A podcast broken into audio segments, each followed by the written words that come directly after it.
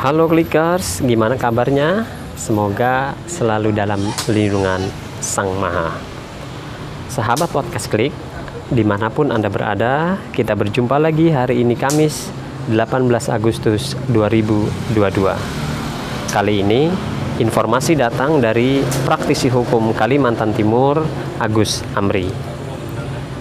Ia menyayangkan beredarnya opini yang dinilai menyesatkan publik. Untuk itu, ia meluruskan informasi terkait dalam jumpa pers yang dihelat di Gedung Parlemen Balikpapan. Berikut penjelasan lengkapnya.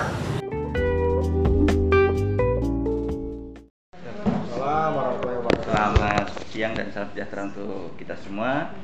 Yang saya hormati rekan-rekan dari wartawan media yang hari ini bisa hadir dalam acara keterangan pers yang akan saya sampaikan dan saya didampingi oleh kuasa hukum saya Pak Agus Amri dan rekan-rekan beliau yang selama ini telah saya kuasakan dan membersamai perjalanan kasus uh, saya di Pengadilan Negeri Kota Balikpapan. Sebelum nanti lebih lanjut beliau akan sampaikan terkait dengan langkah-langkah hukum selanjutnya, uh, mungkin saya memberikan prolog terlebih dahulu.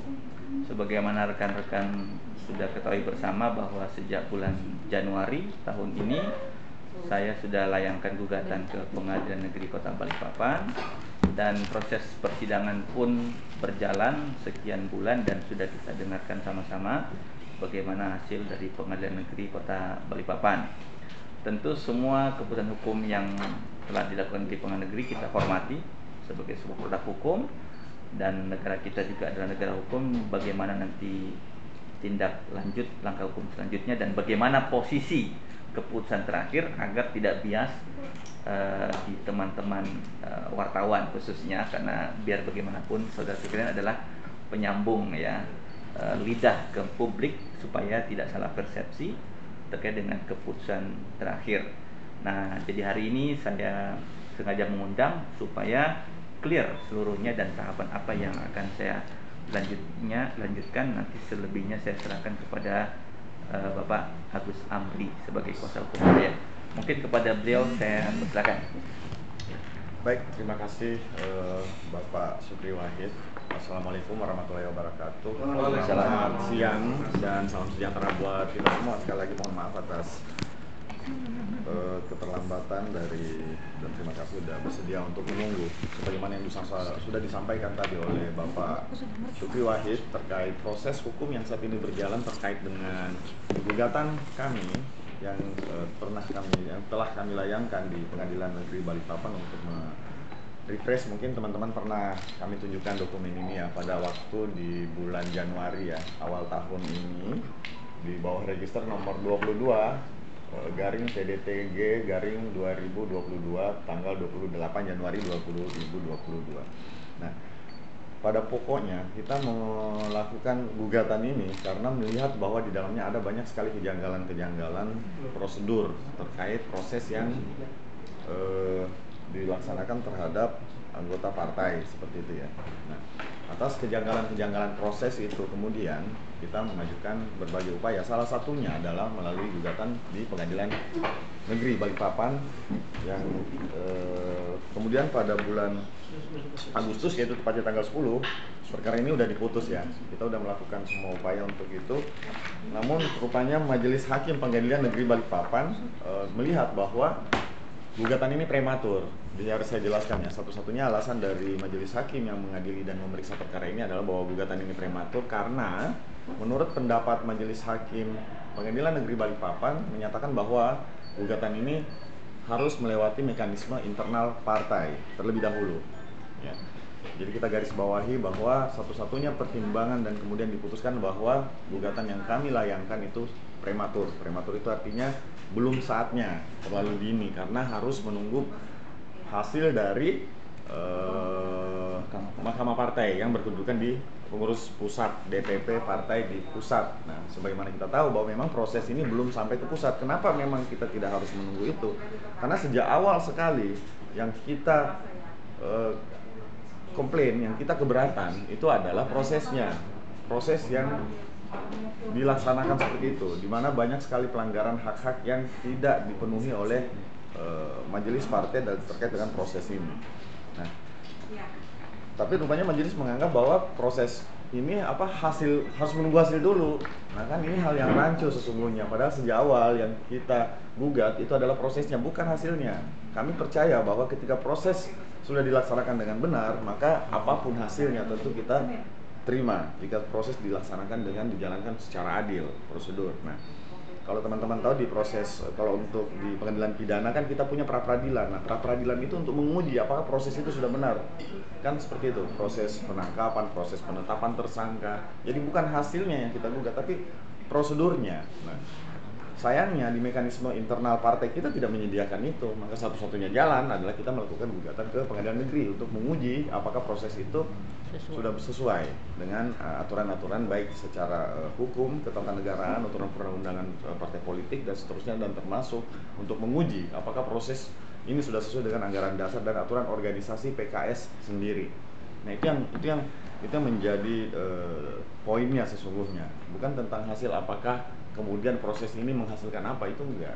Karena kalau kita berbicara tentang hasil maka tentu kita juga tahu bahwa mekanisme untuk menguji hasil putusan partai atau mahkamah partai itu lewat pengadilan. Kalau memang yang dimaksud seperti itu. Jadi biar jelas dulu nih nah apa putusan atas e, pertimbangan bahwa e, proses e, di pengadilan negeri ini prematur maka dianggap tidak dapat diterima. NO namanya ya. Jadi agar teman-teman tahu biar teman-teman tahu ada perbedaan yang sangat mendasar antara putusan ditolak dengan putusan yang dinyatakan NO. Untuk putusan yang dinyatakan ditolak berarti perkara itu benar-benar sudah diperiksa substansinya, materi perkaranya udah selesai. Udah diperiksa dan diteliti dan dinyatakan bahwa ini ditolak secara material. Nah, sementara kalau kita berbicara tentang putusan yang menyatakan NO atau putusan yang dinyatakan tidak dapat diterima berarti hakim tidak memeriksa pokok gugatan ini, hanya melihat bahwa secara formil ini prematur. Anda harus lewat mahkamah partai dulu, tunggu dulu. Ini belum sementara partai memang masih sedang berproses nih. Beliau sendiri belum mendapatkan putusan dari mahkamah partai pusat kan. Ya. Nah, jadi Bu coba bayangkan bahwa kalau ini kita tunggu, nah artinya uh, ada proses yang secara paralel kita tetap jalan. Secara material tentu beliau tetap mempertahankan hak hak hukumnya di hadapan mahkamah partai. Tapi secara paralel kita melihat bahwa secara formil proses yang terjadi ini terdapat kecacatan-kecacatan. Nah itulah yang kita minta pengadilan periksa. Nah tapi oleh pengadilan berpendapat bahwa putusan itu prem apa gugatan yang kami layangkan itu prematur. Jadi terlalu dini belum saatnya harus menunggu mahkamah partai. Jadi ini bertolak belakang sesungguhnya dengan apa yang kami minta pengadilan periksa. Yang satu sisi kita minta diperiksakan proses, tapi oleh hakim, oh ini yang mau diminta putusannya hasilnya nih pemecatannya nih yang ini eh, PA apa namanya itu yang yang yang yang yang dibaca oleh hakim. Kita nggak sependapat dong. Itulah alasan kenapa kemudian Eh, dua hari yang lalu tanggal 16 uh, eh, Agustus itu kita nyatakan keberatan atas putusan itu sehingga putusan ini jelas belum bisa dijalankan. Kita minta pemeriksaan uh, pengadilan tinggi untuk memeriksa kembali perkara ini dan kita tetap berpegang pada dalil-dalil gugatan kita di awal bahwa ada proses hukum yang uh, tidak prosedural sehingga minta agar proses ini dibatalkan seperti itu. Kita minta pemeriksaan dilakukan tingkat banding. Nah, jadi uh, tidak benar atau menyesatkan jika ada pendapat atau opini yang beredar di luar yang mengatakan bahwa gugatan ini ditolak. Enggak bukan ditolak gugatannya tapi tidak dapat diterima. Dianggap terlalu pro, prematur. Berarti gugatan tidak diperiksa pokok permohonannya atau pokok gugatannya. Jadi biar masyarakat juga perlu tahu agar tidak mendapatkan informasi yang uh, keliru atau menyesatkan dari pihak-pihak yang mencoba menggiring uh, opini bahwa seolah-olah gugatan kita sudah ditolak atau sudah dinyatakan kalah? Belum. Ini belum ada menang belum ada kalah.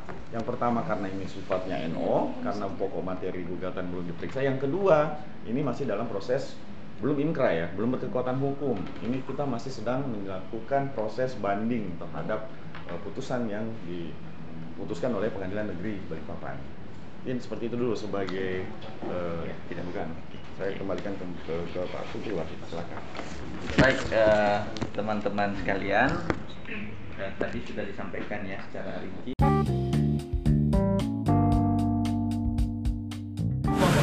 Demikian penjelasan yang disampaikan praktisi hukum Kaltim Agus Amri. Terima kasih telah mendengarkan podcast Klik. Kita berjumpa lagi di lain kesempatan. Terima kasih.